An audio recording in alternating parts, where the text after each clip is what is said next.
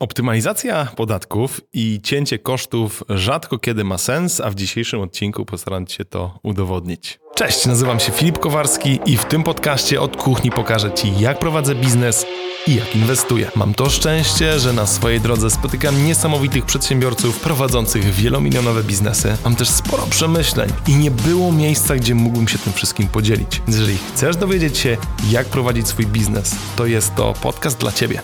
Dzwoni do mnie znajoma, z pytaniem: Hej Filip, miałbyś może kilka minut, żeby jedną rzecz skonsultować?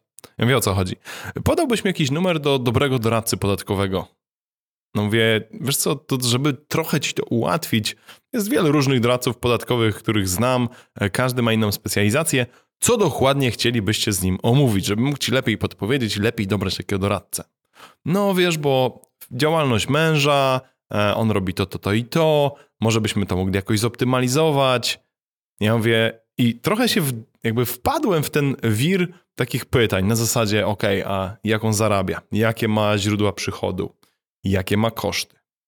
Czy ma jakieś mieszkania? Czy tam jest amortyzacja? Na czym im tak naprawdę zależy? Czy rozważali spółkę ZO? Czy rozważali spółkę komandytową? I cała ta dyskusja, która trwała około 10 minut, zrozumiałem na samym końcu, że totalnie nie miała sensu bo zadałem jedno fundamentalnie źle, złe pytanie. Jakie to powinno być pytanie? Chwila przerwy, zastanów się, co to mogło być za pytanie. No dobra, a ile on płaci podatku dochodowego każdego miesiąca? Czy czujesz, że to jest fundamentalnie lepsze pytanie? Bo odpowiedź brzmiała, wiesz co, około 2000 złotych. Ja mówię, i co wy chcecie w tym momencie optymalizować? No wiesz, bo nowy ład, on ma działalność, to jest liniówka, więc teraz musimy płacić 4,9% więcej od zysku. Ja mówię, ok, czyli my tutaj walczymy w tym momencie, tak, plus minus o 500 zł miesięcznie, dodatkowo, po, miesięcznie dodatkowego podatku, tak? No tak. A realnie ile wam tam y, po tych wszystkich kosztach, amortyzacji, ile wam zostaje w kieszeni? No, kilkanaście tysięcy złotych. Czyli w tym momencie walczymy o kilka procent, realnie kilka procent tego, co on, wy zarabiacie każdego miesiąca, tak? No tak. I to zobaczcie, że w tym momencie, jakbyśmy w ogóle zaczęli fundamentalnie od tego, że walczymy o 500 zł, to jakakolwiek optymalizacja nie do końca ma sens. Umówienie się z doradcą podatkowym jednym 500 zł, z drugim 500 zł. To już straciliśmy dwa miesiące oszczędności podatkowych, tak? Dwa. Założenie spółki ZO, biuro wirtualne, księgowość, w ogóle myślenie o tym, znowu nie jesteśmy w stanie tutaj nic ugrać. Poznałem taką osobę e, jakiś czas temu, która budowała konstrukcje oparte o niższym podatku w niektórych krajach europejskich, na przykład na Malcie, i wiele osób im się to opłacało kilka lat temu. Bo optymalizacja była prosta, nieskomplikowana, struktura, którą musieli, musieli stworzyć, nie była wybitnie jakaś, nie było to kilka firm, nie była kosztowna, nie była kosztowna w założeniu, nie była kosztowna w, w prowadzeniu, więc taka optymalizacja przez Maltę na przykład się mega opłacała. No i pytam się, jak mu się to rozwija, jak przez lata to płynie. On mówi, że przestaje to mieć sens, bo żeby stworzyć strukturę, która będzie się opłacała i która będzie optymalizowała podatki, to on w tym momencie musi wygenerować oszczędność podatkową rzędu pół miliona do miliona. Oszczędność podatkową. Nie taki podatek, jak ktoś płaci co roku, tylko oszczędność na takim poziomie, żeby ta struktura w ogóle miała sens. I ja wiem, że dużo teraz na przykład Sławek Mencen mówi w internecie o optymalizacji podatkowej, o tym, że spółka komandytowo-akcyjna jest dużo lepsza, że warto zoptymalizować sobie podatki, bo zawsze to oszczędza. I z jednej strony ma to sens, bo może faktycznie gdzieś w tym wszystkim, co oni robią, byliby w stanie jeszcze oszczędzić nie tylko 500 zł, ale na przykład 1000. Jaki tylko to jest znowu problem? Taki, że nasz rząd, ale nie tylko nasz, każdy tak naprawdę na świecie szuka pieniędzy.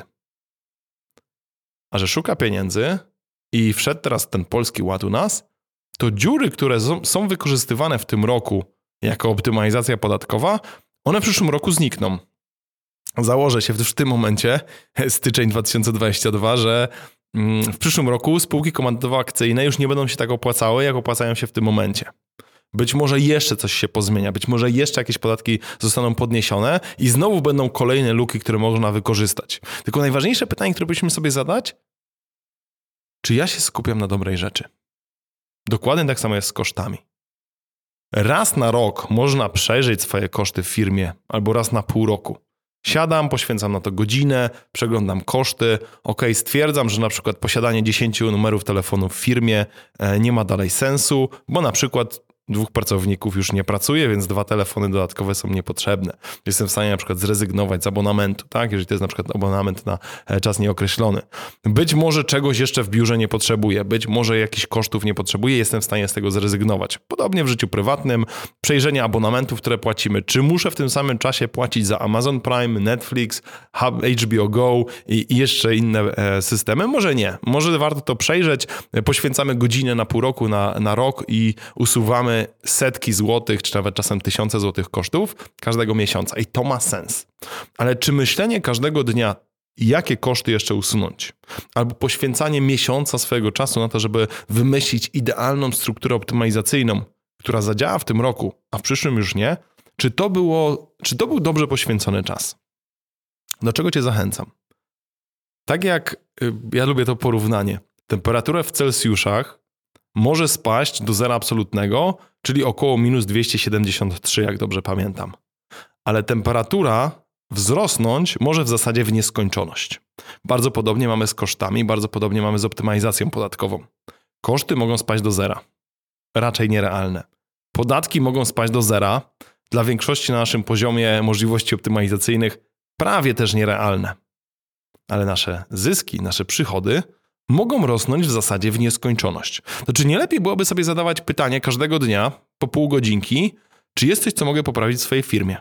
Czy jest coś, co może mi przynieść e, większą ilość klientów? Większe przychody, żeby klienci kupowali ode mnie więcej, żeby zostawali na dłużej, żeby byli jeszcze bardziej zadowoleni, żeby moi pracownicy byli bardziej zadowoleni, żeby oni pracowali efektywniej. Czyli znowu, nie jak zmniejszyć ilość pracowników, tylko jak sprawić, żeby pracowali efektywniej, jak ewentualnie móc sobie pozwolić na to, żeby zatrudnić kolejną osobę, kolejnego sprzedawcę. Fundamentalnie znowu złym pytaniem, które zostało postawione u nas w firmie, było, co zrobić, żebyśmy płacili na przykład mniej za marketing. Czy to jest dobrze postawione pytanie? No nie do końca. Lepsze pytanie byłoby, co zrobić, żeby każda złotówka wydana na marketing dawała nam więcej pieniędzy? Co zrobić, żebyśmy mogli wydawać jeszcze więcej na marketing, który da nam jeszcze więcej pieniędzy. Co zrobić, żeby każdy klient, który do nas przychodzi, był jeszcze bardziej zadowolony i polecał nas dalej, a nie jak ograniczyć koszty, które wydajemy na każdego klienta. Za każdym razem, jak zadajesz sobie jakieś pytanie, może to być pytanie życiowe, może to być pytanie biznesowe, to zastanów się, czy tak naprawdę rozmawiasz i myślisz o dobrej rzeczy i czy przypadkiem w innym obszarze, w innym rejonie nie miałbyś dużo lepszych efektów, jakbyś w kółko zadawał sobie to samo pytanie, co mogę zrobić lepiej w tym obszarze. Za każdym razem, jak będziesz miał wątpliwość, że ta idea ma sens, i że nie warto skupiać się mocno na cięciu kosztów bądź na optymalizacji, tylko bardziej na tym, jak zarabiać więcej kasy, to przypomnij sobie, że są osoby, które wahają się i wręcz na przykład nie podejmują decyzji zakupowej, żeby kupić książkę o negocjacjach za 40-50 zł, zamiast zadawać sobie pytanie, którą z tych technik wykorzystać, żeby książka kupiona za 40-50 zł zwróciła mi się 100, 500, 1000 razy i oszczędziła mi w najbliższym czasie albo pozwoliła mi zarobić dodatkowe 10 tysięcy złotych. Zachęcam. Cześć. Jeżeli podobał Ci się ten odcinek, to więcej materiałów znajdziesz na filipkowarski.pl i koniecznie obserwuj ten podcast. Do usłyszenia.